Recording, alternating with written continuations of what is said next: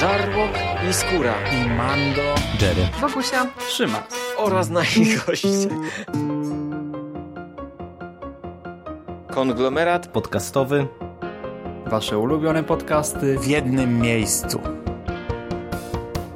Zapraszamy. Zapraszamy. Zapraszamy. zapraszamy. Zapraszamy.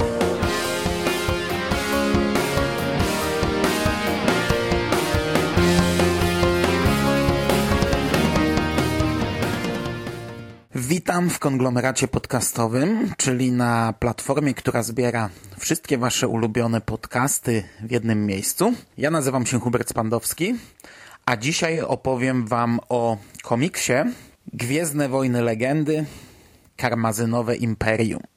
Karmazynowe Imperium to jest komiks, który w oryginale w Stanach był wydany w latach 1997-98, 20 lat temu. W Polsce ukazał się dwukrotnie, dwa razy za sprawą wydawnictwa Egmont, pierwszy raz w roku 2002, natomiast e, niedawno został wznowiony w ramach kolekcji Egmontu Star Wars Legendy. I Ostatecznie ukazały się trzy tomy tego komiksu. Dwa z nich były wydane przez Egmont dawniej w Polsce.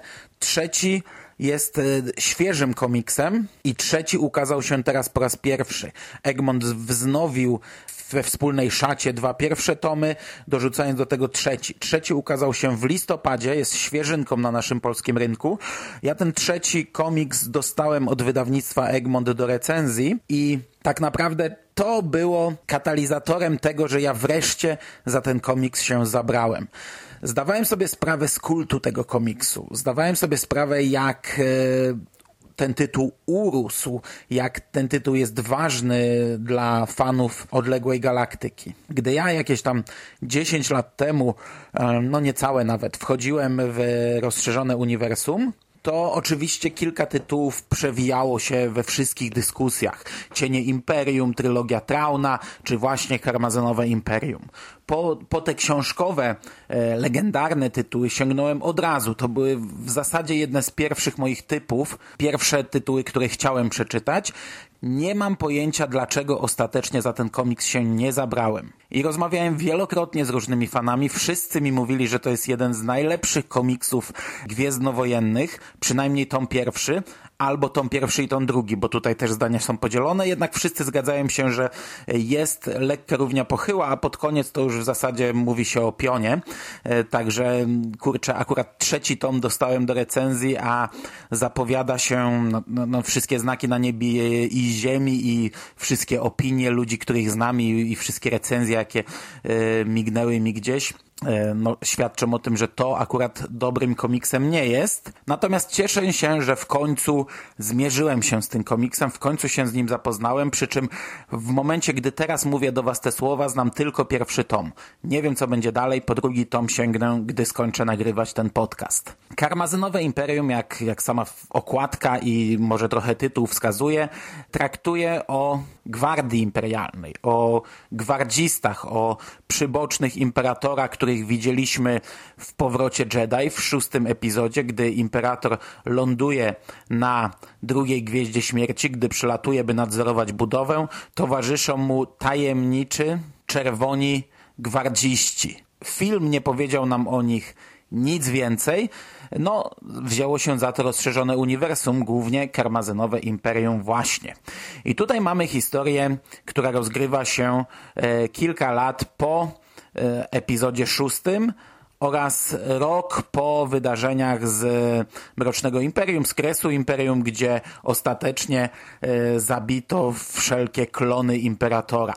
Głównymi bohaterami tego komiksu są Kirkanos i Karnor Jax. Mamy tutaj oczywiście e, wielu bohaterów pobocznych, ale cała oś tego komiksu obraca się wokół historii tych dwóch panów. Ten pierwszy jest bardzo, bardzo ciekawym i bardzo nietypowym bohaterem, jak na tego typu historie, jak na historie gwiezdnowojenne. To jest coś, co absolutnie ten komiks wyróżnia. Ten drugi jest bardziej tajemniczy, no tak naprawdę niewiele o nim się dowiadujemy i jest postacią, e, no niestety słabszą oczywiście, bo on gra tutaj po prostu pewien typ bohatera i to wszystko. Tak jak powiedziałem, mamy tutaj trochę nawiązań. Komiks dość mocno wpisuje się w ówczesne rozszerzone uniwersum. Moim zdaniem nawiązuje do tej trochę mniej ciekawej części legend, jak właśnie klony Imperatora, ale y, i tak uważam, że bardzo fajnie, że ten komiks, mm, choć z pozoru jest mocno odrębny, no to też mocno wpisuje się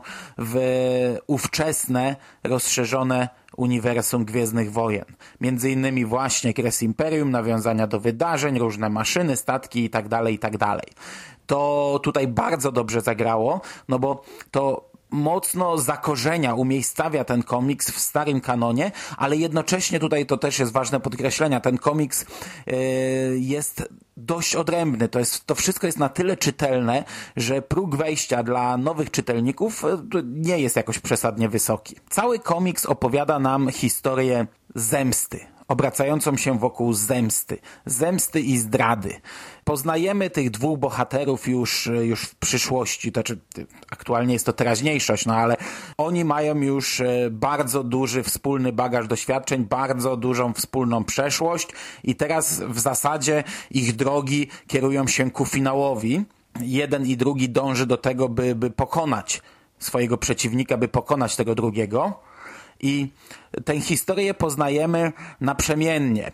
E, śledzimy teraźniejszość, ale też co jakiś czas mamy retrospekcje, w których e, dowiadujemy się w jaki sposób przebiegało szkolenie e, imperialnych gwardzistów, jak zarysował się ten konflikt między nimi, od czego to się zaczęło i na czym to się skończyło i to jest bardzo dobrze przeplatane, bardzo fajnie rozpisane, nie dostajemy od razu kawy na ławę. Sam początek jest dość tajemniczy, nie wiemy kto jest kim, nie wiemy jaka tutaj sytuacja panuje, nie wiemy dlaczego danymi bohaterami kierują takie motywacje, to wszystko poznajemy w trakcie i, i to wszystko jest dobrze naprawdę rozplanowane, rozłożone. Cały komiks jest fajnie spięty klamrą. To jest naprawdę bardzo dobry fabularnie komiks. No i właśnie, fabularnie.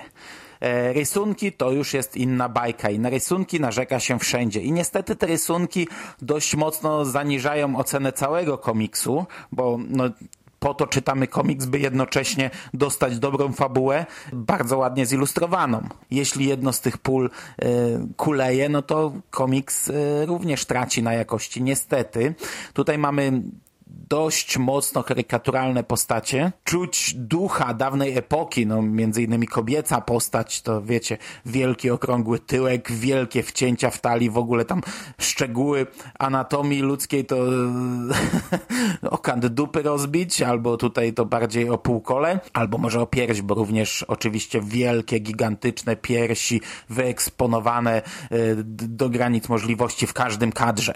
E, cały komiks wygląda naprawdę bardzo źle te postaci są brzydkie, to tło jest koszmarne, kolorystyka jest y, sztuczna, brzydka, taka komputerowa, y, bardzo mi się nie podoba.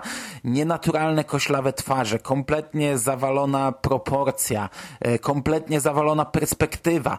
Przy każdym ustawieniu kamery jakoś odbiegającym od, od takiego na wprost, no to bohaterowie i miejsca i statki i budynki i wszystko, co znajduje się na rysunku wygląda źle pod tym kątem ten komiks jest naprawdę zły. Dodatkowo mogą niektórych razić e, rozwiązania, e, niektóre jakie znalazłem. Znaczy dokładnie chodzi mi o stroje mm, szkoleniowe. Szkoleniowe stroje gwardzistów. E, na to też się raczej narzeka. Ja przyznam, że no byłem na to przygotowany i jakoś mnie to aż tak nie raziło, ale to są takie, takie naprawdę gwiezdnowojenne Power Rangers. Mamy jakieś zielone, żółte, różowe, niebieskie, wszystkie możliwe kolory. Oni mają, każdy z nich ma jakiś swój dziwaczny symbol na czole to trochę jest komiczne, ale y, jak dla mnie do zaakceptowania. Nie jest to, nie jest to coś, co jest jakimś minusem tego komiksu. Przy czym no, te rysunki, do nich się idzie przyzwyczaić. Te, te, te historie da się czytać gładko, między innymi dzięki kapitalnej fabule. Tutaj da się przez nią płynąć, da się zaakceptować e, tę papkę wizualną, można się do nich przyzwyczaić, a z tego co mignęło mi e, w kolejnych częściach, głównie w trzecim tomie, no to będzie dużo, dużo gorzej. Także e, gdybym miał już przeczytane wszystkie trzy tomy, to pewnie w tym miejscu bym chwalił stronę wizualną. E, pochwalić za to muszę bardzo i to bardzo finałowe starcie między zarówno głównymi bohaterami, jak i pobocznymi, którzy wtrącili się w tę finałową walkę. To były rozwiązania naprawdę nieszablonowe naprawdę bardzo nieszablonowe rozwiązania i ten finał przebiegał w taki sposób, że mnie teraz po 20 latach on autentycznie w kilku momentach zaskoczył. To były zarówno y, rozwiązania fabularne, to co dzieje się z bohaterami, ale również to, jak przedstawiono ich charakter w końcówce, jak y, pokazano nam te postacie. To naprawdę bardzo, bardzo mocno wyróżnia ten komiks na tle innych gwiezdnowojennych pozycji. I ja rozumiem, dlaczego 20 lat temu to musiała być tak gigantyczna petarda. Ten komiks po pierwsze przedstawiał, no może i tylko w zarysie, ale, ale też cholernie ciekawą sytuację w galaktyce. Pokazywał, jak funkcjonowała Gwardia Imperialna, e, wrzucał na pierwszy plan czarne charaktery, co, co też jest raczej niespotykane w tym uniwersum. I to były postacie, którzy kierowali się moralnie wątpliwymi pobudkami. Do tego w kilku miejscach ten komiks jest całkiem brutalny. Karmazynowe Imperium przedstawia konflikt po stronie Imperium właśnie, po stronie tych złych, e, co też było raczej rzadkością. Do tego jest to komiks, e, w którym pierwsze, drugie, trzecie i prawie wszystkie skrzypce grają nowe postaci.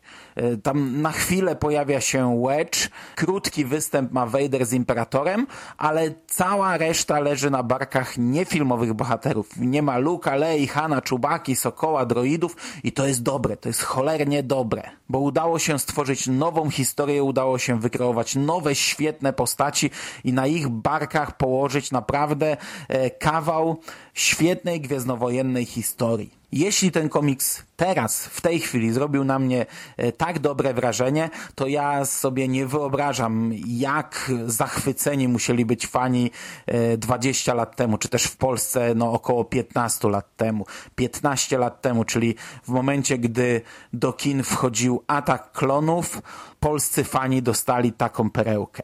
Zazdroszczę. Zazdroszczę i teraz stukam się w ten swój głupi łeb, że nie przeczytałem tego komiksu wcześniej. No, wy nie róbcie tego błędu.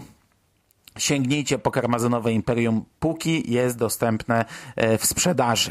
To by było na dzisiaj wszystko. Ja do tego tytułu wrócę jak najszybciej. Mam nadzieję, że może uda mi się jutro omówić drugi tom, pojutrze trzeci. Jeśli mi się nie uda, bo wiecie, ten tydzień trochę na wariackich papierach jest pisany. E, myślę, że słuchacie tego podcastu w momencie, gdy ja sobie siedzę w kinie i oglądam ostatniego Jedi, albo oglądam go drugi raz, albo trzeci, albo czwarty, bo od środy mniej więcej do soboty mam e, rozpiskę już zaplanowaną, a co jeszcze wyskoczy, to zobaczymy. Myślę, że weekend otwarcia zakończę pewnie na czterech seansach. Tak czy inaczej, do Karmazynowego Imperium wrócę jak najszybciej. Ja się dzisiaj z wami żegnam. To by było wszystko. Trzymajcie się ciepło. Cześć!